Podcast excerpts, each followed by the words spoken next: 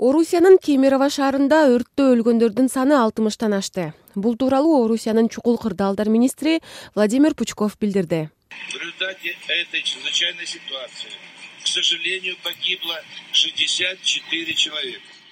Бул апаатта тилекке каршы алтымыш төрт киши каза болду. Алтоонун сөөгүн алып чыга элекпиз.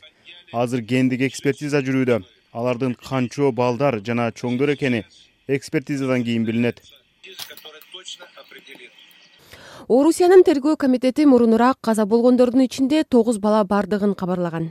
Кемероводогу зимняя вишня деген соода борборундагы өрт жекшембиде күндүзгү саат төрттө башталган. Жалын оюн зоок борбору муз аянт жана кинотеатр жайгашкан төртүнчү кабатта тутанган. Бул убакта ал жерде тышевский айылынан жана томск шаарынан келген окуучулар экскурсияда жүргөн өрт башталганда соода үйүндөн эки жүздөй адам качып чыгууга үлгүргөн. Өрттөн кырк адам жабыр тарткан. Алардын ону учурда ооруканада. Экөөнүн абалы оор. Имараттан качып чыкканга үлгүргөндөр соода борбордо өрттү автоматтык түрдө өчүрө турган. Кырсыктык кабарлоочу системалар иштебегенин айтышууда. Молодой парень который сидел с нами он нас сопровождал помогал говорит люди давайте сами то есть никакой сирены ничего не звучало валентина клопенко кызы кечээ бул соода түйүнүндө болгонун. Өрт башталганда балдар качууга аракет кылганын. Бирок коопсуздук кызматкерлери аларга жолтоо болгонун айтып берди. Решили пойти ну как обычно играть туда на четвертый этаж адаттагыдай эле төртүнчү кабаттагы оюн аянтчасына балдарым барган. Өйдө көтөрүлгөндө эле өрт жалындап түтүн каптап калыптыр.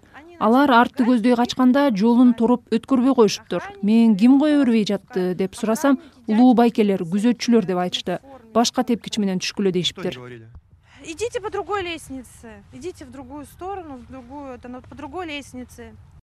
Азырынча өрттүн себептери боюнча жалын батут бассейниндеги поролондон чыккан. Балдар аттракционундагы электр тогу бузулган деген божомолдор айтылууда татаалдыгы жагынан өрткө үчүнчү эң оор деңгээл берилди. Площадь пожара составляет полторы тысячи квадратных өрт каптаган аянт бир жарым миң чарчы метрди түздү. Мен билгенден бизде мынчалык өрт болгон эмес.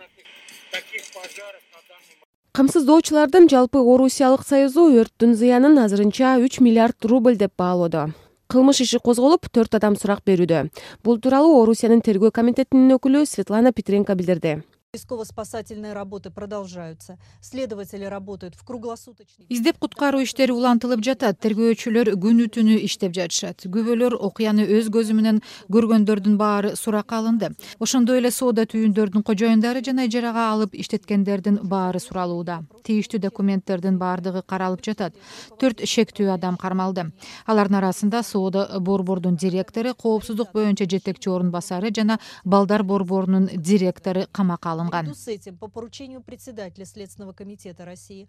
Маркумдардын зыйнаты облустук бюджеттин эсебинен өткөрүлүп үй бүлөлөрүнө миллион рубльдан берилерин куз бастын губернатору аман түлеев билдирди. Жыйырма жетинчи марттан баштап кемерово облусунда үч күндүк траур жарыяланды. Лаззат жаныбек кызы азаттык москва шаары